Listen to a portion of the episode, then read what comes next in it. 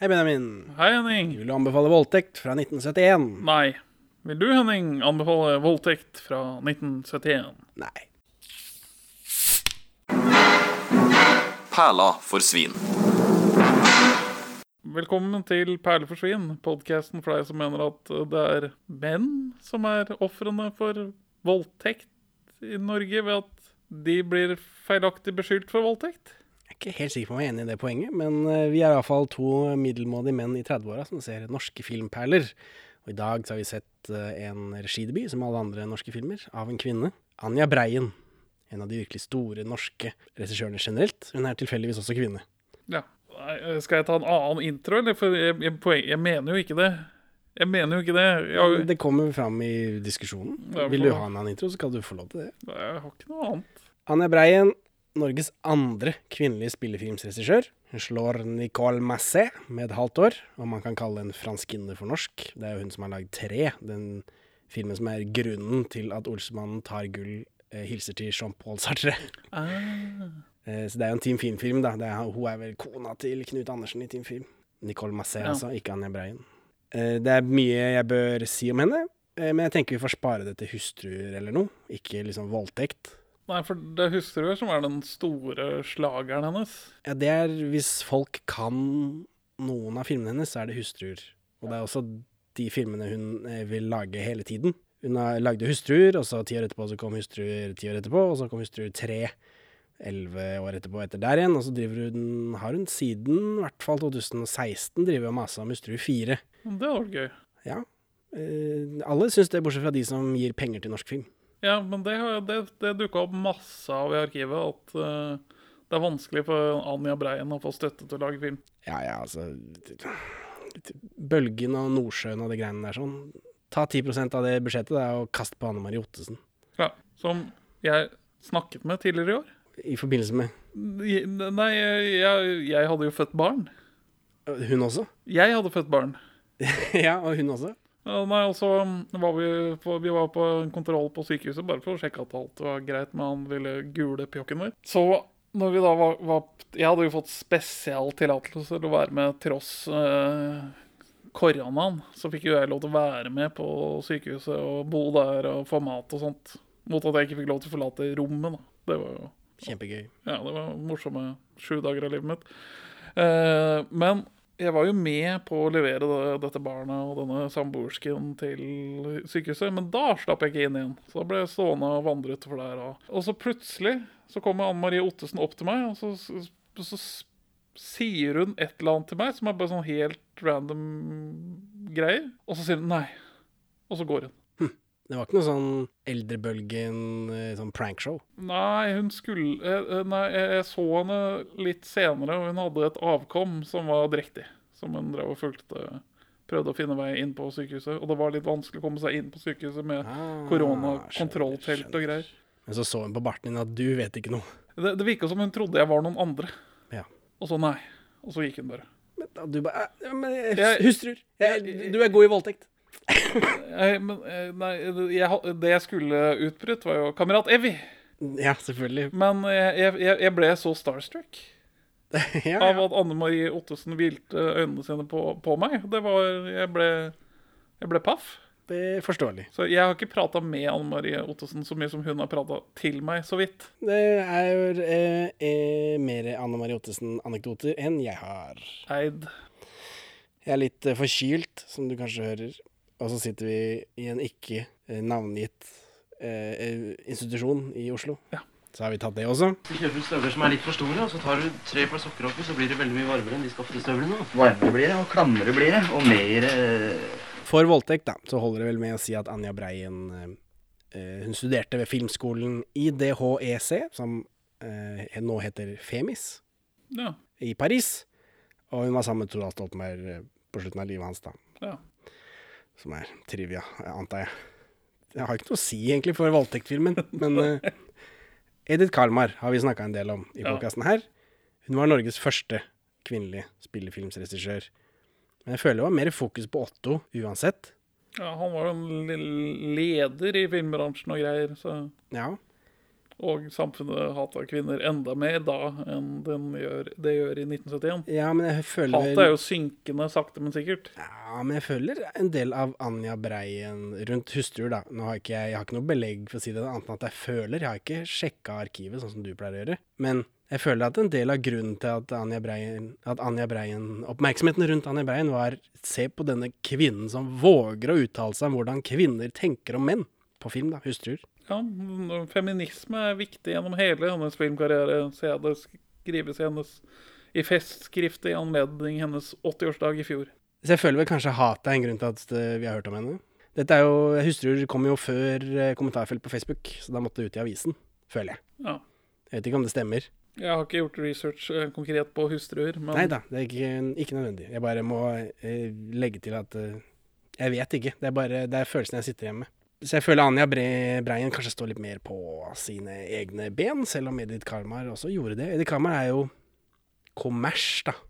Helt utrolig kommers, selv om hun får klemt i noen har lyst til å si en gang iblant også. Men poenget til Edith og Otto da for så vidt er jo alltid å tjene penger. Det er liksom det viktigste. Mens Anja Breien vil jo si noe, hun vil lage kunst. Mm, hun vil gjør gjøre noe. Ja, så jeg føler det er en enorm forskjell da, på Edith Karmar og Anja Breien. Eh, selv om de begge har eh, eh, eggstokker. Anja Breien får vel òg noe cred for å bringe en eller annen sånn fransk bølge til Norge. Ja, det er det der franske neorealisme-bølgegreiene. Ja. Grunnen til at eh, voldtekt ser ut som den gjør, og oppfører seg som den gjør, er jo av den franske innflytelsen hennes. Ja. Hva, hva, hva er sjangeren på voldtekt? Har du fått med deg det? Jeg vet ikke, det er jo den der eh, neorealisme-greiene, da. Ja. Jeg vet ikke hva det er for noen gang. jeg. Bare ser det står. Ja. Men jeg fant, i samtiden så kalles den for en dokumentarisme. Altså en film som ikke er en dokumentar, men likevel bygger på sanne hendelser og bruker ting fra det. Og, og den heter jo ikke bare 'Voldtekt' når den kommer. Anja Breien ville kalle filmen 'Tilfelle Anders'. Ja, Og for, det gjør hun fortsatt. Men uh, i, i sin samtid så står det ofte 'Voldtekt'. Tilfelle Anders. Eh, Men det tilfellet Anders er blitt borte, da. Det, men tilfellet Anders er mer, mindre spekulativt og sier vel kanskje mer om hva filmen vil si. Mens voldtekt eh, får jo folk inn døra. Nei, men øh, Ja, voldtekt er jo det filmen vil si. For altså, dette er vel den første filmen som tar for seg voldtekt sånn skikkelig. Altså, det er masse voldtekt i kant, og det, vi finner sikkert noe annet. No, noe voldtekt her og der i norsk film. Helt sikkert. Jeg har ikke tenkt noe på det, men det kommer vel vel over noe. dette er den første som har voldtekt som tema. Men det er jo ikke det som er filmens tema. Nei, jeg føler filmen handler mer om Anders. Filmen handler om justismord. Ja, om systemet En, en, som han blir utsatt for. en anmeldelse av filmen heter 'Når samfunnet voldtar'. For jeg må bare si det. Jeg finner denne filmen til å være moralsk forkastelig. Altså, Ja. tok det ikke så i Fordi disse eh, kvinnene, de blir voldtatt. Ja, nei, Det er bare ikke Ja, hun ene, da. Liv Thorsen blir voldtatt, men ikke av Anders. nei. For det, det, det er litt utydelig fortalt i starten, men vi ser jo den første voldtekten skje. Og så ser vi han fyren løper ut til venstre i bildet. Og så ser vi Anders rusle. Ja, det antar jeg Anders senere i filmen. Nei, vi får jo koble trynet til han òg etter hvert. Vi ser jo ikke ansiktet hans, vi ser bare Nei, en skikkelse, og så nevner han senere at jo, han gikk forbi der da. Nei, vi ser jo han gå derfra til jobben. Det er, jo, vi får, det er, et, det er en fortelling der om at det er Anders som går videre. Ja ja. Men vi hopper rett inn i dette at det, det er ikke så morsomt som jeg hadde tenkt dette skulle være. Det er For filmen handler jo om en mann som blir anklaget for voldtekt han ikke har begått. Og det syns jeg hørtes sjåvinistisk og fint ut. Dette, nå kan vi kose oss sånn som eh, salig er de som tørster. Eh, sånn utdaterte holdninger og Dette er ikke lov lenger. Og liksom Og eh, kan vi heve oss over dette, da. Eh, salig er de som tørster er episode 17 og 18 av podkasten, forresten. Men jeg syns Anja Breien er lurere enn som så, filmen her. Du syns denne filmen er moralsk forkastelig. Jeg syns ikke det. Jeg syns den forteller om at systemet er for dårlig til å fange opp alt, og så er det tilfeldigvis Anders som blir i, i, i Som blir tatt av det, fanget av systemet her. Men eh, Liv Thorsen er fortsatt voldtatt. Hun bare Vitneforklaringer er ikke til å stole på, sånn som vi tror. Jeg føler ikke de gjør narr av noen. Jo, det er noe kvinner kritiseres for måten de opptrer etter å ha blitt voldtatt. Det av aktor, ja. ja. Men det er sånn det er. Ja, ja. Det er eh, sosialrealistisk og fint. ja men, eller av forsvareren, da. Det er jo, aktor er vel han andre. Men for å fortelle en, eh, om hvordan samfunnet kan justismyrde Det er jo Fritz Moen sitter vel og sturer i en celle mens det her pågår, gjør han ikke det? Eh, nei, Frismoen var vel på 80-tallet, var ikke det? Nei, det er kanskje på slutten av 70-tallet han blir tatt for den første. Altså. Vi har en annen sånn kis i hvert fall som sitter og sturer i et justismord. Han som spiller forsvareren til Anders, Olav Hestenes, er forsvareren til Frismoen. Olav Hestenes var liksom forsvareren til mordere. Det var jobben hans. Han forsvarte over 200 mordere. Oi! Han er for så vidt broren til Arne Hestenes, filmanmelder og journalist. Så Eh, derfor driver han litt med film på si? Nei, jeg tror det bare var fordi liksom Dette var det han gjorde. Han, jeg, for jeg noterte meg det at han Forsvareren var overraskende naturlig, men det er fordi dette er det han gjør. Ja. Så du var på noe med Fritz Moen. Det var Ja. poenget mitt. Men så filmen skal fortelle om hvordan samfunnet kan justismyrde. Det er storyen her. Og da, da gjør man det ved å direkte ha et bilde på at Anders også blir voldtatt. Men jeg syns det blir så Av? Av samfunnet. Av systemet, tenker du på? Ja, byråkratiet og altså rettssik dårlig rettssikkerhet. Altså, han blir voldtatt av samfunnet fordi samfunnet Han sånn Han er uheldig nok til at han passer sånn tålelig greit. Men på bakteppet av at én av, kvinner, en av ti norske kvinner har blitt voldtatt Altså En av ti norske kvinner har sagt de blir voldtatt. Det er mørketall og alt det greiene der. Ja. Ja, det, altså, det- Jeg mener det er mer. Nå så, så det på meg som jeg mente at det var mindre. Ja, det hørtes litt sånn ut. Men så eh, drøyt i hvert fall 250 000 kvinner i Norge har blitt voldtatt. Og uh, det er vel sånn 1200 anmeldelser i året. Hvorav fire av fem blir henlagt. Jeg, jeg syns det blir usmakelig å velge akkurat voldtekt som Som tema. ja, Men man heller burde hatt Fritz Moen som tema. drap eh, hadde egnet seg bedre. Fordi samfunnet har et så problematisk forhold til å faktisk bekjempe voldtekt som samfunnsproblem.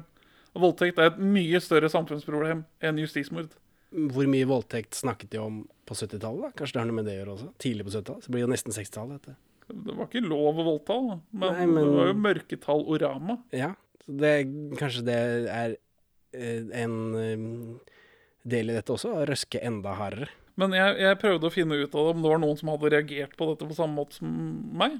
Nei. Nei, det kan jeg ikke tenke meg, men jeg gjør jo ikke det engang. Ja, Du, du er jo en pudding. Anja Voldtekt ble satt opp av Studentersamfunnet i 2018. Anja Breins sterke debut eh, tar et kritisk blikk på en umulig situasjon, og fremstår minst like aktuell i dag som når den kom ut i 1971. Ja, er ikke enig, ass. ikke? Nei, det blir det, det, Du At mannen er offeret i voldtektssaken, det blir en så fordreid eh, fremstilling av virkeligheten. Han er ikke offeret i voldtektssaken, han er off- offeret i denne rettssaken. Som ja, handler om voldtekt, men han har jo ikke gjort det. Så det har jo ikke noe med han å gjøre. Nei. Og de som er voldtatt, er voldtatt. De lyver ikke på det. For det var det jeg trodde det skulle være. Ja, det- Enda verre. Ja, ja, det var vel førsteinntrykket. Jeg, Men det foregår en sånn kvinnehatsbegrunnet greier om at alle voldtektsanmeldelser er jo bare kvinner som har ombestemt seg etterpå, som er ute etter å straffe menn. men det er jo ikke det her, for dette er jo overfallsvoldtekt. Sikkert gjort med vilje, eller mest Altså På 70-tallet Daytrape var vel kanskje enda vanskeligere å ta opp, da. Men dette er jo overfallsvoldtekt. Det er ikke den mm, enda sluere voldtekten, den mindre åpenbare voldtekten. Som man kan Som dumme folk vil si sånn på. Så jeg syns ikke det var så gærent, faktisk. ja, jeg, jeg, jeg, det, Nei, det fungerer ikke for meg. Jeg syns det var kynisk og uh, usmakelig. Ja, jeg kom altså hjem fra forretningsreise i Uddevalla. Og barna lå og sov, og min kone lå da og hvilte. Hvem er det som spiller Anders, da? Det husker jeg ikke. Svein Sturla Hungnes. Jeg vet ikke hva jeg skal kalle miljøet eller type filmer han helst jobber i. Sosialrealisme, kanskje. Han får eh, ekstremt mye skryt i pressen for sin rolle som Anders. Ja, jeg syns han var helt uh, grei. Mm. Eh, om igjen da får jobbet oss gjennom Vam og Vennerøds katalog, så kommer vi til å se mye av han. Eh, hvem har bestemt liv og død, Julia Julia, leve sitt liv, adjø, solidaritet og bryllupsfesten. Han er med i alt dette. Han er også med i andre lavmælte gråtefilmer fra perioden. Som Anja Breiens Arven og Papirfuglen, Oddvar Bull Tuhus, Rødblått paradis. Hasj er farlig-filmen Himmel og helvete. Han er med der også. Lillebjørn Nilsens eh, epos om hvor skummelt det er med hasj. Og han spiller sønnen i Ellings yndlingsfilm Mors hus. Ja. Og så er det en del NRK-ting og litt sånn krigsfilm inni der også, der, men ikke noe jeg har hørt om. Alt virker bekymringsfullt jordnært og kjedelig. Og hans foreløpig siste rolle er i Detektor fra 2000. ja, men han lever fortsatt. Ja, ja. Eh, Det første som kommer opp på skjermen er Idé av Per Blom. Tenkte jeg, hvem er de? Det er regissøren av Mors hus. Ja. Ellings favorittfilm. Norges beste incestfilm. Sikkert den beste. Jeg vet ikke om lista er så lang. Jeg kommer ikke på noen andre sånne i farta. Åpne med snø og barnetekst. i det av Per Blom. Altså rulleteksten, da. Hvem som er med og sånt noe. Men liksom Det ser ut som det er skrevet av barn. Ja. Hva er dette for et stilvalg? Fransk neorealisme. Ja, det kan nok stemme. Og så er det noe skriking. Eh, Og så er det noen som har blitt voldtatt. Det er noe voldtekt i snøen og kram snø som knitrer og Ja, alt er i sort-hvitt. Altså, Lydmiksen er helt jævlig her. Jeg var overraska at de hadde noen på lyd, for det har de i rulleteksten etter filmen. Ja, og så og så er det Day for Night med sånn dårlig importert svart-hvitt filmstokk. Det, ja. Eh, Det er mye korn, det er mye tråder, det er mye høl i filmen her. Det ser ut som de har slept den filmen etter seg langs asfalten. ja. Så den, det er sliten. Det, er tydelig at det er eh, De har ikke all verdens budsjett, kanskje. Jeg vet ikke om den er spilt inn på stumper jeg, fra bedre eller fra større filmer. Uh, Ikke peiling. Nei. Og vi får Etter dette Det er noen som har blitt voldtatt, og så får vi klipp av en rettssal. Noen, det er noen folk, dommetyper, dommertyper, som går inn en dør, og så går døra igjen, og så er det tilbake i snøen. Tilbake til en voldtekt, og det ser ut som det er midt på fjellet. Hvor er dette her? Det er et eller annet dalsøkk eh, mellom eh, en, eh, en, et trikkestopp og en drabantby. Ja, for her kommer toget, da, som viser seg å være trikken. Og da drar han voldtektsmannen, tror jeg. Eller så er det Anders. Ja, nei, er, vi, vi ser voldtekten, og så, etter, og så løper han, han har toppløpet, til siden, og så ser vi Anders fem meter unna. Bare du, du, du. Jeg, Også i topplue. ja, jeg har ikke hørt noe. Han har, han har gått forbi voldtekten, ja, virker det som. det kan skje. Så er vi på en sånn arbeidsplassgarderobe. Anders får klær av en kamerat. Og, og dette, dette, dette er sånn Her snakker de om sokker. Jeg vet ikke om dette er det impro, dette. Dette er sånn, nå skal dere ha en samtale om å Dere skal bare snakke sånn som vanlige folk gjør i garderoben. Så her har dere ikke noe manus. Ja, for jeg får sånn eh, Er det Curb Your Enthusiasm-stil, dette? Vi, vi skal fra dit til dit til scenen. Hvordan dere kommer dit, det er opp til dere. Ja, det virker veldig sånn, for det, man begynner å snakke om å har, De snakker om sko. Han har tre par sokker i Han skoa. har for, han har for store sko. Eh, og så Er det noe plast han skal ha til matpakka ja, si? ta, ta den posen her. Jeg har tatt med til ekstra deg, som du skal ha til matpakka di. Altså, sånn. Hvorfor det? Hva er dette? eh, Så er det pauserom. Dette er fremmed for deg, vel? Folk som må arbeide. Jeg har jobba på lager i i hvert fall et år av livet mitt. Så driver de og rydder snø. Vi får bilde av noen fine anleggsmaskiner. Ja, for Han er veiarbeider. Ja, eller eh, noe sånt. Snøoppryddefyr. Folk som går forbi klager over at det var jaggu på tide. Jeg vet ikke hvor lenge snøen får ligge i Oslo på tidspunktet. Jeg Vet ikke. Den kommer jo støtt og stadig, da. Og så er eh, Anders på butikken og handler. Ja, Han kjøper H-melk. Hva er det med disse 70-tallsfilmene og butikken? 70-tallsfilmer. Altså, dette her er jo tullerusk. Ja, I tullerusk drikker hovedkarakteren H-melk. Jeg antar at de som har laget Tuller, skal Det er tatt det- inspirasjon fra voldtekt. det er det, det er det ene filmkurset de hadde. hadde så de bare voldtekt og måtte vurdere ting ut fra det. Eh, Men han drikker H-melk med samme designet som i dag, da, så det er hyggelig at de bruker det retrodesignet nå. Men det er et eller annet med disse 70-tallsfilmene og ting skal foregå på butikken. Ja, Det fordi det så- gjør folk. Ja, ja, Det er realisme og alt dette der greiene. Det er liksom Med en gang den kolonialdisken forsvant, så det var bare sånn bare, bare, vanskelig å handle, for det er jo alltid filminnspilling.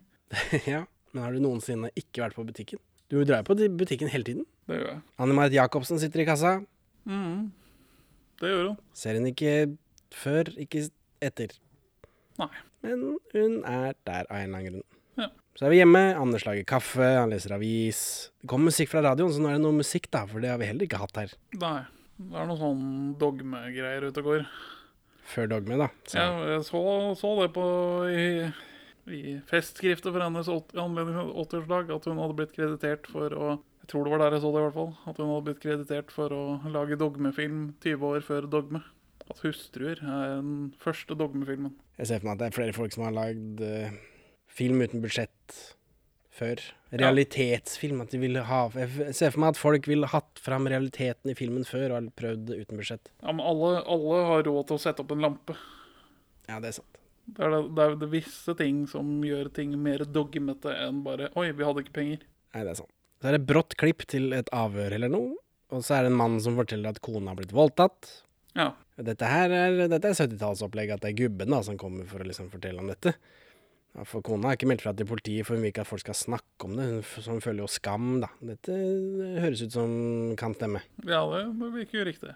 Og så skal kona forklare seg etter gubben, som var litt rart. Veldig. Ja, det er han som anmelder. det er det. Eh, Men gubben får ikke lov å være der, da, så det er jo noe når hun skal forklare seg. Selv om han vil. Er det, er det feminisme? Vise kvinners reelle forhold er vel feminisme. Skulle tro det. Så kommer Liv Thorsen, og der eh, kjenner du henne. Nei.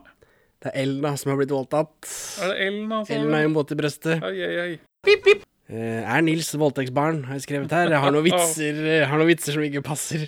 Nei. Vi ser aldri faren hans, han blir referert til som død. Jeg er bare just throwing it out there. Elna lager fantomtegning. Pleier det å funke? Nei. Nei. Men ja, det, det, det at hun må komponere den sjøl, som det er et sånn morsomt brettspill Ja, for dette føler jeg at jeg hadde som barn. Ja. Lag, lag ansikter. Se, du har sånne greier du Det, da, da kan du lage sånn ja, Hodet til en sebra, kroppen til en løve, Ja. beina til en krokodille. Bare det, bare at i politiets tjeneste. Ja, og du har blitt voldtatt av den fyren som du skal lage ansiktet til. Og det blir alltid så generelt at det kan være hele Norges befolkning. Ja. Og så plutselig er det mer skriking. Eh, og, og isøde. Ute i snøen der. Og så er det en mann da som beiner av gårde. Så er det masse folk rundt en dame, for nå har vi liksom hoppa hakket frem, da. For nå driver politiet og etterforsker.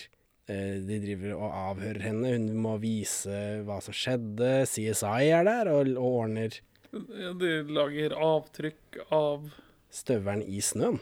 det, Men de driver og varmer noe på en kokeplate, og det er ikke liksom Ja, det, Den er bare akkurat over eh, frysepunktet, eller hva? Ikke peiling. Eh, Men det funker jo, da. Jeg antar, det er folk, jeg antar at det er sånt de gjorde. Ja, Så er det masse folk som står og ser på. Hvem er denne dama? Anne Marie Ottesen. da. Oh yeah! Anne Marie Ottesen, kamerat Evy i Kosmetikkrevolusjonen, som er episode tolv av denne podkasten. En film jeg husker som bedre og bedre, men jeg er ikke sikker på om det stemmer. Den var veldig dårlig, men den har veldig mange gøye ideer. Bare forferdelig gjennomført. Ja, du, nå har jo du møtt henne, da, men eh, jeg har skrevet her at du husker henne selvfølgelig best fra din yndlingsserie, Holms. Tore Ryens Holms. Jeg, jeg, har, jo se, jeg har jo sett henne fremføre i levende live. Ja, nettopp. Jeg glemte glemt det når du sto der og hun snakka til deg Min metodistvenn hadde bursdag. og dro på Holms. Ja. Ja, hyggelig det, da. Men eh, normale folk husker henne som Pia i Fredrikssons Fabrikk og Amalie i Amalies jul. Hun har en interessant karriere når jeg så på IMDb-en hennes, bare. Hun har en interessant karriere berg-og-dal-bane.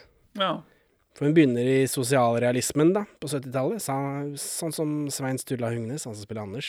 Dette er hennes andre film, og i 1971 så spiller hun Wilhelmine i denne filmen. Og hun spiller Wilhelmine i filmen 3. Så hun spiller to Wilhelminer samme året. ja. Pussig. Ehm, hun er også en av hustruene i Anja Breiens uh, virkelige gjennombrudd, det er hustrutrilogien. Så er det Kosmetikkrevolusjonen, og så svinger hun innom en del Hva med venner-filmer. Det tause flertall, Drømmeslottet, Bryllupsfesten. Masse andre kunstfilmer ingen har hørt om på 70-tallet, da. Og så tar hun et par små steg inn i Fleksnes på 70-tallet. Men på 80-tallet så sper hun på kunsten med mer kom kommersie ting. KLM-serien Fjærsynet, man kan kalle det kommersielt. Lars, Lars Mjøen vil vel være uenig? ja, ja. Selv om det går liksom på den eneste kanalen i Norge. Hun er med i Deilig er fjorden, Plastposen, Vill villere Villaveien. Eh, Og i 1982 så er hun med i den Bing og Bringsværd sci-fi-serien som vi er nysgjerrig på, men ikke har orket å se nå fordi den er 158 minutter lang. Ta den ring. Eh, Så på 90-tallet så blir hun allemannseie da, med Fredrikssons Fabrikk. liksom tidlig Det begynner jo i 1990. Og da bare Da tryner hun pladask inn i norsk sitcom-fella. norsk sitcoms sorte hull. Hun rekker Amalies jul da først, eh, før hun har den selsomme æren å bli byttet inn i to drittserier fra 90-tallet, når de prøver å fornye seg og redde stumpene. Eh, først er det Båt og bedring, Ja. som i andre sesong, eh, hvor åtte av elleve episoder blir sendt før de blir tatt av lufta. Endrer lokasjon, og så hiver de ut halvparten av castet, bytter de med noen nye karakterer, da. Eh, hun blir bytta inn sammen med Tommy Steine og psykopaten Solveig Kloppen. Jeg har skrevet psykopaten her fordi hun i et sånt TV-program, jeg vet, husker ikke om det er med han Skjerven, eller om det er med Harald Eia, eller hva det er for noe. Hun Det er snakk om eh, de, de går og tar psykopattesten på folk, ja. og hun er psykopat. Oi. Ja, hun har Ja. Men ja, hun har jo et sånn påfallende kaldt smil, har hun ikke det?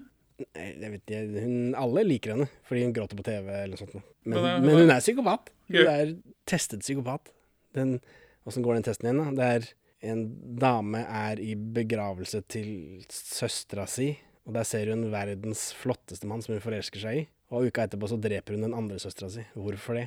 Og Solveig Kloppen kobla da at jo, det må jo være fordi hun vil se denne mannen igjen. Ja, det gjorde jeg jo med en gang. Ja, Men det tenkte ikke jeg når jeg hørte det. Nei. Så du og Solveig Kloppen, Nice. psykopater. Men Anne Marie Ottesen, da. Etter, Den andre serien hun blir bytta inn i, da? ja, etter at hun blir bytta inn i Bot og bedring, eh, som blir tatt av lufta da, etter åtte av elleve episoder de, Noen år senere så sender de TV 2 da, hele dritten i reprise, da med de eh, som ikke ble sendt. Og så er det vel noen som spør hvorfor sender dere dette i reprise når det var så dårlig at dere måtte ta det av sist? Og så bare nei, vi har jo betalt for det, vi har jo rettighetene, vi må jo liksom bruke det til noe. Masse sendeflate fylles i. Men den andre serien er Tore Ryen-fiaskoen Radio 2. Hvor hun erstatter Ingrid Vollan fem episoder inn, og alle scenene hennes må spilles inn på nytt. Og der er det veldig mye Det er avisarkivmat, det. Der er det mye rot Ja, om eh, kontrakter til TV 2, og hvor slemme TV 2 er. For dette er jo i starten av TV 2, hvor TV 2 var nytt og spennende, og hva er dette for noe? Her, kan vi, her er det muligheten til å tjene store, tjene store kommersielle penger, sier Anders Hatlo, som er hovedrollen i Radio 2. Og, og alle de andre skuespillerne drar med seg da også. Å, faen, vi kan få sparken når som helst. Dette liker jeg ikke. Så sånn er det. Eh, og så starter hun eh, 2000-tallet med Holmes, da, din favorittserie. Eh, men nå er hun blitt så gammel at hun bare får eh, sånn bestemorroller. Eh, og Hotell Cæsar, da, for der er det alltid plass. Et hotell for oss skuespillere og et hotell for deg. Ja. Et hjem for skuespillere og et hjem for deg. Eh, og så er det den rare Dagsrevyen-saken om dameremakes av ordentlige filmer, i gåsetegn, da. eh, I 2016, hvor hun ville være Egon i eh, All Female Olsenmannen. Som vi nevnte i den der Olsenmann-nyhetene-episoden vår. Ja. Det er Anne Marie Ottesen, det er det jeg har å si om henne. Jeg, jeg liker Anne Marie Ottesen. Ja, jeg hadde ikke kjent henne igjen her, tror jeg. Jo, stemmen. Stemmen, hennes timbre. Altså, jeg, jeg, motsatt deg, så er ikke jeg ansiktsblind. Ja, men jeg hadde vel kjent, jeg kjent, tro kjensel på når vi ser henne rett i trynet når hun står i rettssalen der og forklarer seg, men før det så hadde jeg aldri gjetta at det hun, hun har en sånn veldig sånn spesiell uh, stemme, så jeg hadde nok kicka på den. Jeg tror jeg bare liker henne fordi jeg så på. Fredrikssons Fabrikk som altfor ung uten å forstå noe, og at hun var sjarmerende der. Ja ja, hun er god. Men her blir hun altså ikke voldtatt. Hun blir forsøkt voldtatt, men jager denne voldtektsmannen. Hun roper etter hjelp.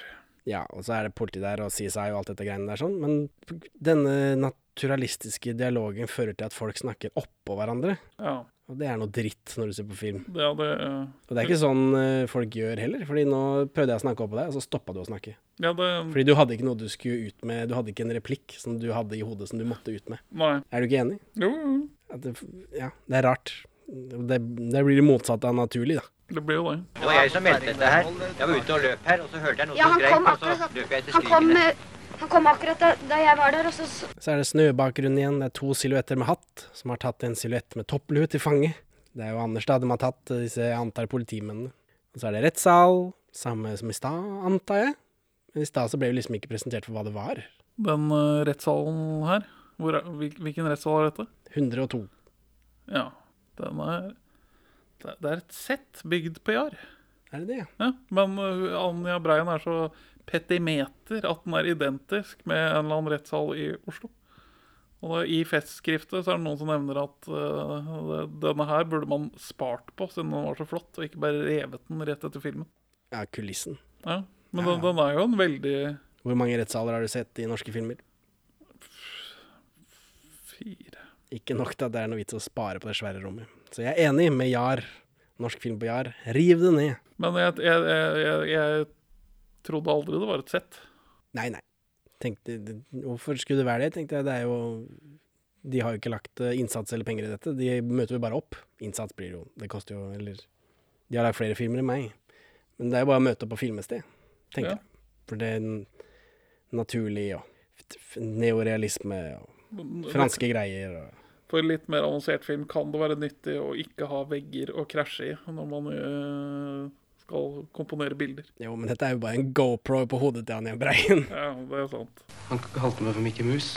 Anders får siktelsen opplest. Han er tiltalt for voldtekten av, eh, av Elna, da, av Liv Thorsen, og forsøk for voldtekt av Anne Marie Ottesen. Og tidligere så har Anders fått en bot for at han har drevet og titta på jenter i en skolegarderobe, så det lover jo ikke så godt. Da han var 16, viser det seg. Og så har han eh, slått ned noen på jobben som kalte han for Mikke Mus. Ja. Det kom ikke helt frem hvorfor han reagerer sånn på det, han har ikke så store ører. Han sier senere at han ikke liker å bli erta. Ja, det er fordi han blir mobba der, eller erta. De har ikke ordet i 70, på 70-tallet, men hvorfor akkurat Mikke Mus? Nei, det kommer aldri rett frem. Nei. Jeg tenker aldri over ørene hans. Altså, Han har ikke pipestemme, Nei, han har ikke fire fingre med sånne svære hvite hansker. Han har klær på overkroppen. det har han. Det går ikke bare i shorts. Jeg vet ikke. Kanskje at han er stille som en mus, da, for han er jo en veldig sånn inne- innadvendt type. Stille som ikke Mus. Vel, Du er så stille som ikke Mus, altså, så kliner Mikke. Mus er liten, og der kan du kalle han for Jeg vet ikke, det var rart. Men han er uskyldig da, for disse voldtektene. Det er han. Hevder han. Ja. Og det er han jo i filmen forteller meg at han er det. Ja. Men jeg begynner jo å sitte og tvile etter hvert. Og så med de skogreiene, og at de hadde skoavtrykket, så var jeg sånn Er det, er det kollegaen hans som har frama han, eller hva, hvordan det, har kollegaen manipulert han til å, å ta på tre par sokker for at han skal ha akkurat samme skostørrelse? Men han jobber jo i snøen, så jeg forstår jo det at han har funnet en løsning på det. Har du vært ute i kulda noen gang? Ja, det er kaldt der ute. Ja. Anders kommer jo i fengsel, da. Eh, Og så eh, er det plutselig rettssak igjen. En juryrettssak, for det pleier å funke så godt i spesielt voldtektssaker, gjør det ikke det? Ja. Lineup. Elna eh, fingerer Anders. Hun er rett på. Anders som har gjort det. Og så er det Anne Marie Ottesen, hun har ikke peiling. Hun hun velger tre stykker nå. Av fem. Ja, hun velger feil først, og så velger hun rett. Etter at de liksom Vi får dem til å gjøre noen andre greier til hun bytter. Ja. Det er jo, det er jo et Det er veldig litt sånn For det trodde jeg det skulle være mer av. At det er litt sånn politi som driver og ødelegger. Ja, men vi får Det jo var noe av det. Vi får jo se aktoratet fremstille det som at det var ikke noe problem Altså, de, de her, eh, disse oppstillingene, de gikk helt knikkefritt, det. Hun var bare litt treig til å ta den. Ja, ja, ja. Og så kommer da forsvarsadvokaten og viser at nei, dette er jo bare dritt. ja. For sånn er det når jeg ser på amerikansk film også. Jeg antar det er sånn i virkeligheten. Det skal sies at advokaten her, Olav Hestnes, han, det jeg leste i etterkant da når han var død, liksom At eh, å, det viktigste var han for, for han var at sannheten kom frem, ikke om Hvis hans klient, hadde gjort det, så han Så var det det som skulle frem, og så da må du liksom Da starter vi der. Du har gjort det. Dette, sånn og sånn jo, derfor, Dette var grunnen. La oss uh, liksom, få frem sannheten, og så dømme derfra. Få straffen etter det. Står det, men det står jo bare det var fordi han er dau, ikke sant. Liksom Ja, jeg følte ikke at han var noe uredelig forsvarsadvokat. Nei, nei, men det er jo Ja, men men, vi, vi har bare masse indisier.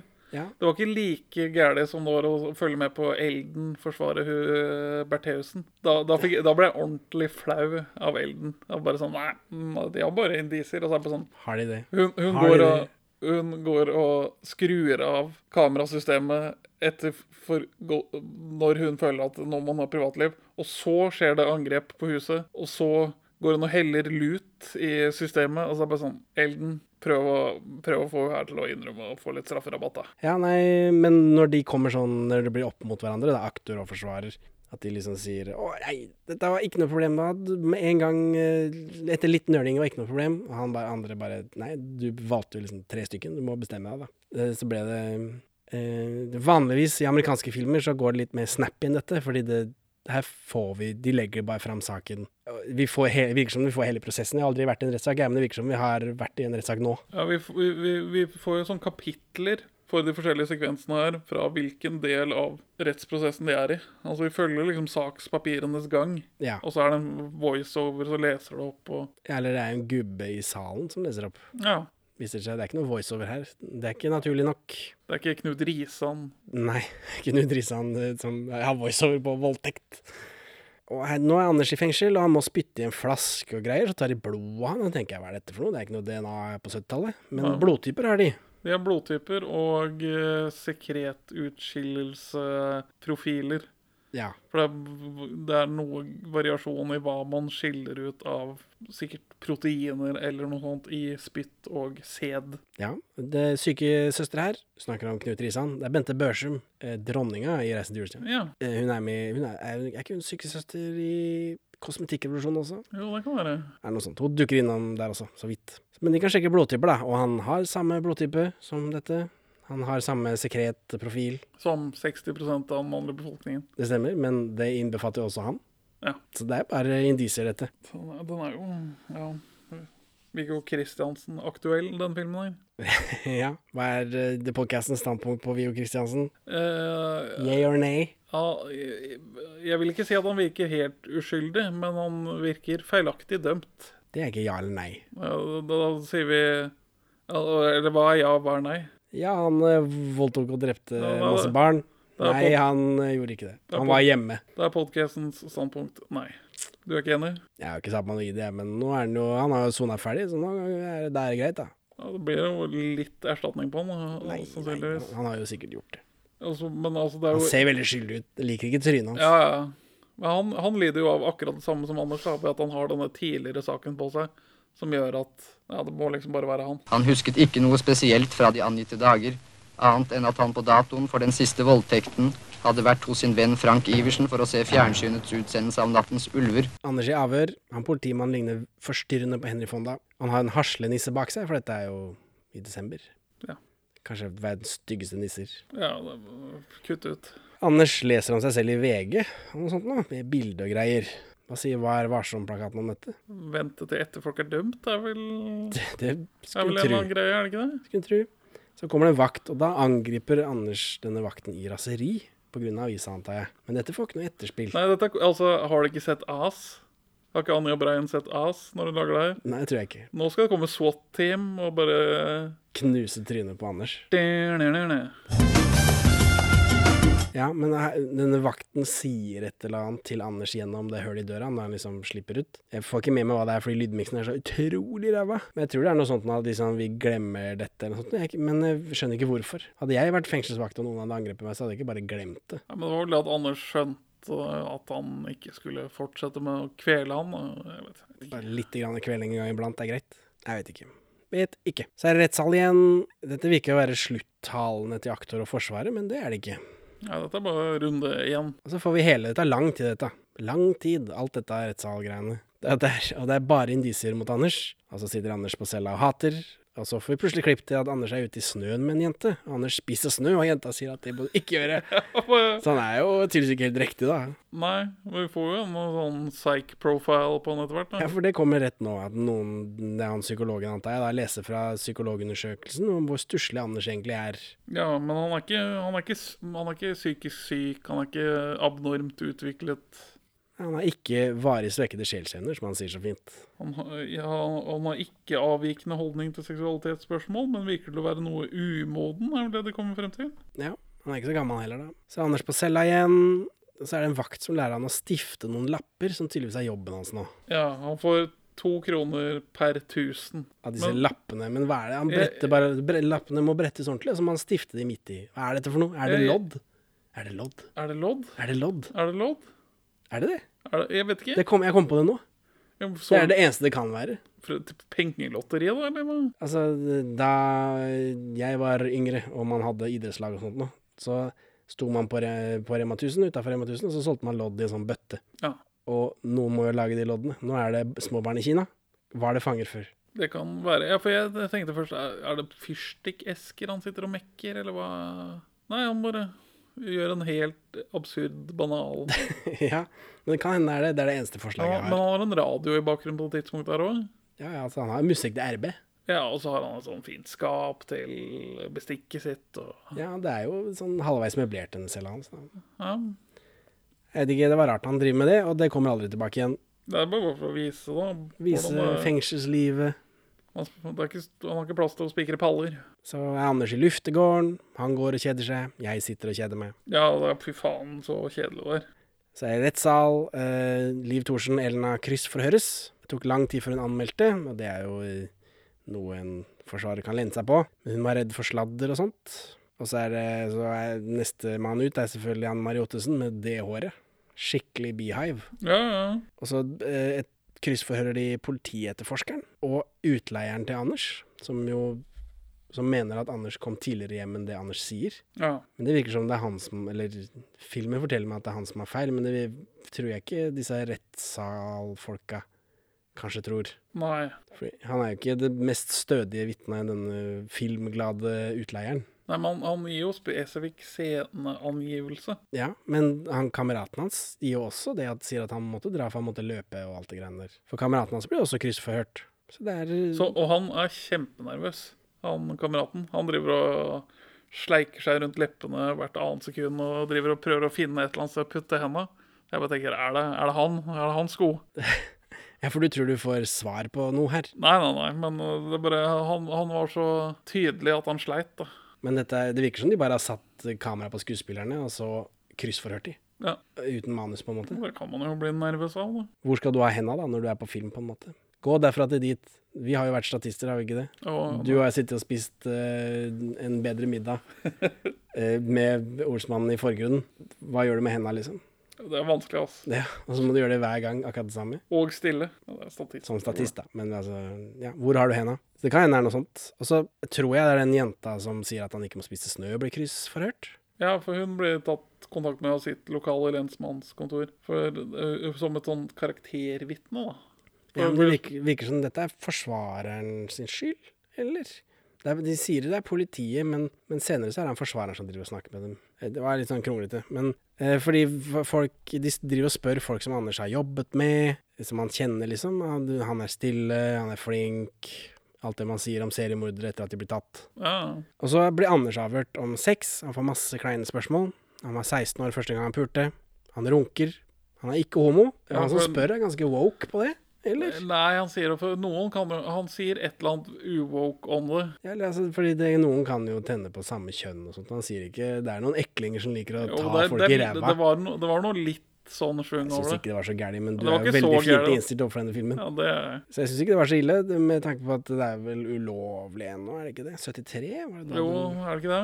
77 så er det ikke sinnssykt lenger. Kanskje det var lov på Ja, 70-tallet. jeg tror det er 73-74, men da, ja, det har vært- på vei ut en stund. Eh, han har ikke pult dyr heller, så det er jo fint å vite. Han har ikke brukket noe, ikke plaget av nerver, men han kan bli litt rastløs.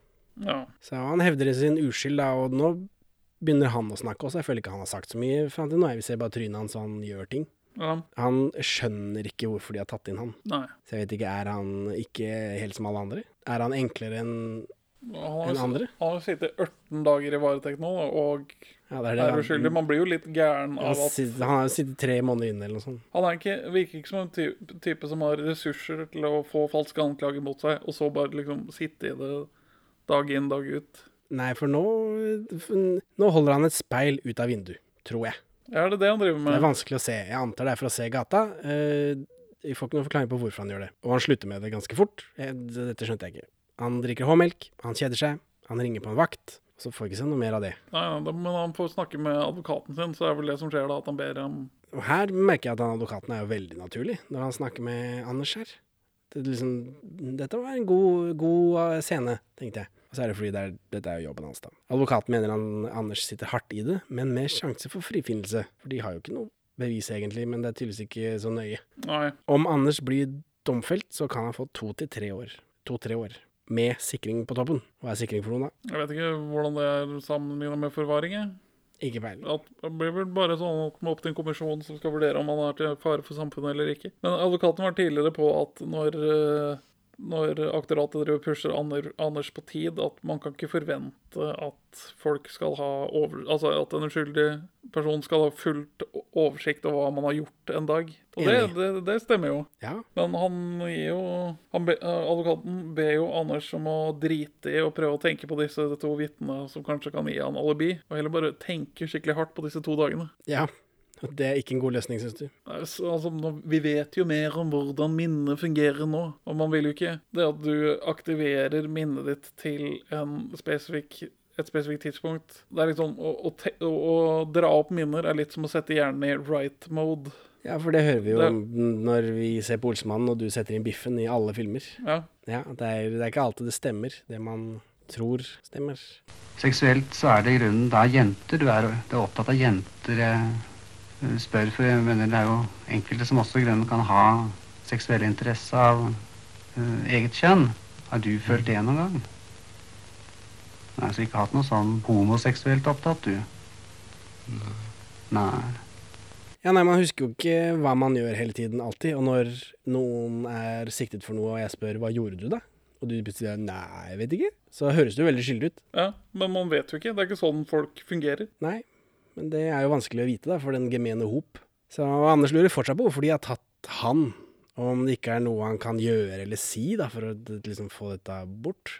Så nå begynner han å bli lei, da. Han skulle reagert på den knuffinga i snøen den dagen, da. Istedenfor å bare late som ingenting. Ja, for du syns det er helt greit at han sitter inne nå. Nei. Og grunnen til at han er tatt, er fordi damene mener det er han, sier han advokaten. Advokaten er også inne på noe lurt med at uh, hun ene mener å huske å ha sett ham på kafeen dagen før, klokka fire. Og at det, ved å bare tenke på han, så har hun bare satt han inn i den første i voldtektsmannrollen. Ja, dette er Anne Marie Ottesen som også ikke klarer å plukke han ut av en lineup, så hvem vet. Det er det er ting for og imot, og så vil vel eh, en jury da velge det som er for, stort sett. Tydeligvis, kanskje. Eller uvisst. Uvisst. Vi har vel avskaffet denne ordningen nå, har vi ikke det? Eh, Juryrettssak er jeg vel ferdig med, tror jeg. Ja. Så ligger Anders på cella. Nå er det sånn opp-ned-kamera på ansiktet hans. Vi hører pusten. Dette er når Anja lager kunst her. Ja, men det, det, det ser ut som et angstanfall. Ja. Det har jo vært litt inne på at han kan ha Ja, for nå er det noe greier. Anders sitter da på cella i mørket, og så kommer lyset på, og så spretter han opp, og så titter han ut et sånt kikkhull de har i døra, og så smører han et eller annet inni det Smør eller noe, jeg vet ikke. Jeg vet ikke. Det Han tar noe fra kjøkkenskapet sitt og smører det i kikkehullet. Ja, leverpostei Det kommer Prim. aldri Ja, sjokoladeopplegg. Masse ting som skal smøres. Banost. Smørost. Smørost i 1971. Ja. Men ja, nei, jeg vet ikke hva det er. Det kommer aldri tilbake. Det lurer jeg oppriktig på. Hva var det? Ja, det er vel at han ja, rastløs, da. Han må gjøre et eller annet. Jo, men ikke det. Så får vi da eh, punkt tre, tiltaltes forklaring, og så får vi da et sånt flashbacks av eh, Er det en kommentar på at eh, det er jo Dagliglivets repetisjoner bidrar til å gjøre det umulig å huske konkrete ting fra den ene dagen til den andre. Fordi Jeg tenkte kanskje det Ja, vi får, jo si er. vi får jo se tre ganger på rappen at han bestiller uh, medisterkaker med grønnsaker. Ja. For det er det samme klippet tre ganger, og da tenkte jeg kanskje Er det det samme klippet, ikke bare et veldig likt klipp? Jeg tolka det som samme. Det er godt mulig det er forskjellig, men bare helt likt. Men jeg tenkte kanskje Er dette Er det fordi det er tre forskjellige, for, forskjellige forklaringer? Er det det det er? Men så kommer det aldri tilbake igjen, fordi det er, tre, det er jo Du har Elna, Anne Marie Ottesen og Anders, da, som forklarer seg. Tenkte jeg. Kanskje det har noe med det å gjøre, men det er ikke mer sånne repetisjoner, egentlig. Det er litt til.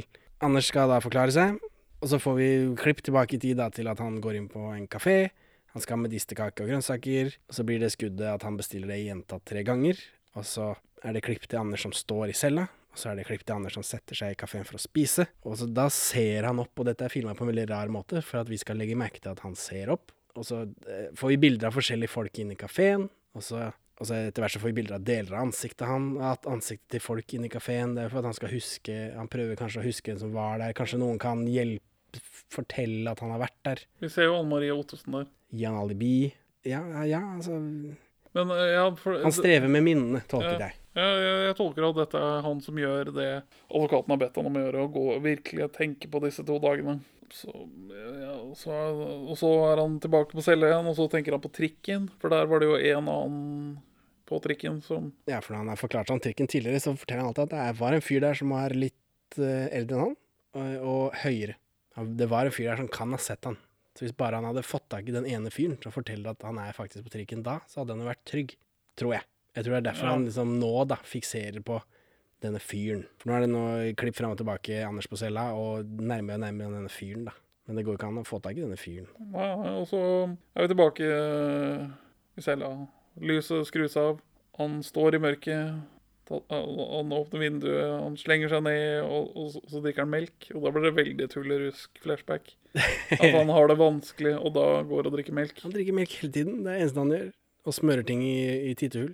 Og så er han Men dette er jo Det er Anders som tenker på forklaringen sin. Men denne begynnelsen på den scenen starter jo i rettssalen. Hvorfor det? Det skjønte jeg ikke. Nei, det er fordi at det er da de skal begynne å ta opp tiltaleforklaring. Og så Og så hopper vi tilbake til til, han. han som hopper tilbake. Ja. Dette er for mye Inception for meg. Og så er han tenker på når han gikk på den stien, da. Han går, altså går han runder inn i cella. Ja, han, Anders driver og peiser i cella, og så klipper vi til en sånn utydelig topplueskikkelse som går i snøen. Jeg tenkte kanskje at det var denne voldtektsmannen, at han tenker på voldtektsmannen, at han liksom eh, forbanner han på en måte. Men du tenker at det er, han tenker på seg selv som går. For denne eh, topplueskikkelsen er utydelig. Ja. Det er ikke han som vi har sett eh, tidligere når han har tenkt på seg selv, så tenker han jo på seg selv. Men han hadde jo topplue. Ja, men det hadde jo også voldtektsmannen. Ja, ja. Det kan være begge. Det er veldig mye gåing. Ja, han peiser lenge. Det blir mer og mer skritt i lydbildet før det smashcutters til Anders. Han skriker. Veldig upraktisk med en eh, tre måneder gammel baby i samme rom. du, han våkna. Nei, nei. Men det er bare upraktisk å sitte og skru volumet opp og ned hele tida. Så Anders på cella i dress. Så blir han kjørt i bil til rettssalen. Det tar kjempelang tid. Eller alt er egentlig lang tid her. Retten settes, eh, og så er det loddtrekning om hvem som skal sitte i juryen. Skal være noe mor øh, rettferdighet er blind-greie ute og går. Helt sikkert. Jeg bare aldri ender opp- tenkt over hvordan det fungerer før. Men de ender opp med fem menn og fem kvinner, da, selv om de bare trekker fra samme beholder. Flaks.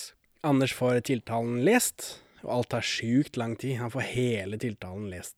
Ikke noe her Ikke noe snarveier her. Og så fyller ansiktet hans hele skjermen, og dommeren spør om han erklærer seg skyldig. Film slutt. Og her står det at de har en fyr på lyd i rulleteksten, og det, de hadde lurt meg. Ja. Så Benjamin, hvorfor vil du ikke anbefale voldtekt fra 1971? Først og fremst fordi at jeg finner den til å være moralsk forkastelig.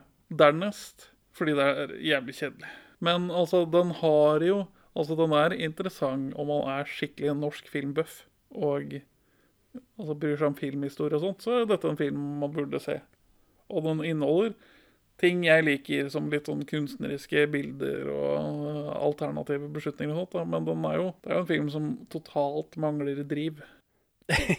ja, men jeg tror det er litt av poenget. Han sitter jo i cella. Ja, ja, jeg, jeg er enig i det, men, men Men det blir kjedelig å se på, det stemmer. betal, betale kinobillett, altså to, hva er det der nå? 360 kroner for å dra og se den her? På Imax eh, 4D. Ja. Nei takk. Ah, nei, det, voldtekt i 4D, jeg tror ikke det er en greie, Henning. Eh, men var det engasjerende, da? Nei. Å nei. Ikke i det hele tatt. Nei, jeg, jeg, jeg, jeg, jeg, jeg får så store problemer med at for uh, al, Altså, Anders blir voldtatt av staten. Det er greit nok, men når voldtekt er et så mye større samfunnsproblem som får mindre plass enn det mindre problemet justismord, så blir det Jeg syns det bare blir stygt, jeg. Jeg syns det blir ufeministisk. Men, men det var jo da, som, som tidligere diskutert, ikke så ille som jeg hadde forventet. nei. Så Henning, hvorfor ville ikke du anbefale voldtekt fra 1971? Det var for lite voldtekt. eh, Jeg savna egentlig mer grafisk voldtekt. Det var eh, fryktelig kjedelig, men så har jeg skrevet overraskende engasjerende. Spørsmålstegn, spørsmålstegn. For jeg ville vite hvordan det skulle gå, jeg ville vite hva som skjedde senere, men det bare tok så utrolig lang tid å komme til neste scene. Alltid. Men jeg ville vite hva neste scene var. Men, eh, men det, at det, det går ikke an å se på ting som er så kjedelig. Det går ikke. Nei. Men ja, hva, hva synes du om slutten, da? Nei, da var jeg lei, så det var helt greit. Ja, men For nå tenkte jeg liksom OK, nå er det syv eh, superlange scener igjen, men det var det ikke, så jeg ble befridd. Jeg følte at Anja Breim befridde meg fra resten av filmen sin. Eh, For han skal jo bare si at han ikke føler seg skyldig, på en måte. Og så er jo litt av poenget med filmen at han allerede er funnet skyldig, på en måte. Så jeg, ble, ikke noe, jeg følte ikke det var noe spørsmål om skyldspørsmålet her. Fra, altså, han har ikke Ja, gjort det, men han vil bli dømt. Ja, ja, det- Føler jeg filmen forteller. Enig. enig. Og så syns jeg ikke det var eh, så fælt, eh, dette voldtektsgreiene som du syns, da. Men du skjønner, hva, du skjønner problemet jeg postulerer her. Ja, men jeg føler ikke det har noe med denne filmen å gjøre. For disse kvinnene Eller det er voldtekt her, det er ingen som tviler på det. Jeg var overraska, jeg, over at det var det som var sagt, det faktisk var voldtekt. Jeg trodde det skulle bli dratt inn i det også, at eh, Nei, jeg tror ikke det var en voldtekt. De ville ligge med hverandre. Trodde jeg det var før jeg begynte å se dette. Så det, det plaget meg ikke. Så også det sort-hvitt-greiene, det fungerer for meg som stilvalg, tror jeg, i denne rare filmen. Neorealistiske, alt dette greiene. Den, det er ikke noen gråtoner her. Nei. Det er alt er svart eller hvitt, og det fungerte for meg, tror jeg. Selv om jeg føler meg litt tatt til gissel sånn til å begynne med, men så blir det noe Stockholm-syndrom da etter hvert, på det svart-hvitt-greiene. Jeg liker den eh, flashback-sekvensen hvor han eh, har en flørt. Som en sånn menneskeliggjøring. Måten man kommer inn så seint og rart på. Ha det bra da, Benjamin. Farvel, Henning. Takk for at du hører på Perler for svin. Du finner oss først og fremst på perleforsvin.no, men også på Twitter under perler-for-svin, Facebook som perleforsvinpod, eller du kan maile oss på perleforsvinpod at gmail.com. Gi oss gjerne en eh, rating i din lokale podcast-avspiller, og, og legg igjen en beskrivelse, så folk skjønner hva det er for noe tull vi egentlig driver med. Her er ukas Pål Bang-Hansen-sitat ute av kontekst. En annen ung jente kommer. Ja, det var helt på slutten av filmen. Det var når eh, ja, hovedmannen i filmen kjørte sønnen til en av de andre forbryterne hjem, så det var jo absolutt en av de siste scenene. Takk. Liker De å se på TV, Bjelland? Ja. Pleier å følge godt med? Det som skjer på skjermen? Ja. Det er Ganske spennende, den scenen der. Ja, det var spennende. Husker du om det var musikk til den? Ja, det husker jeg ikke, men det regner for sannsynlig at det var det. Så det er vel riktig å, å svare nei når når de spør meg direkte om jeg husker det. Hei, Benjamin. Hei, Henning. Vil du anbefale voldtekt fra 1971? Nei. Vil anbefale voldtekt generelt? Nei. Jeg vet ikke om det er innafor. Jeg nå prøve Jeg vet ikke om den latteren er. I hvert fall ikke den hosten her. Uh, nei, det vil jeg ikke. Hei, Benjamin. Hei, Henning. Vil du anbefale voldtekt fra 1970? Nei. Vent litt. Jeg må bare samle meg. Jeg er så morsom at jeg vet ikke hva jeg skal gjøre.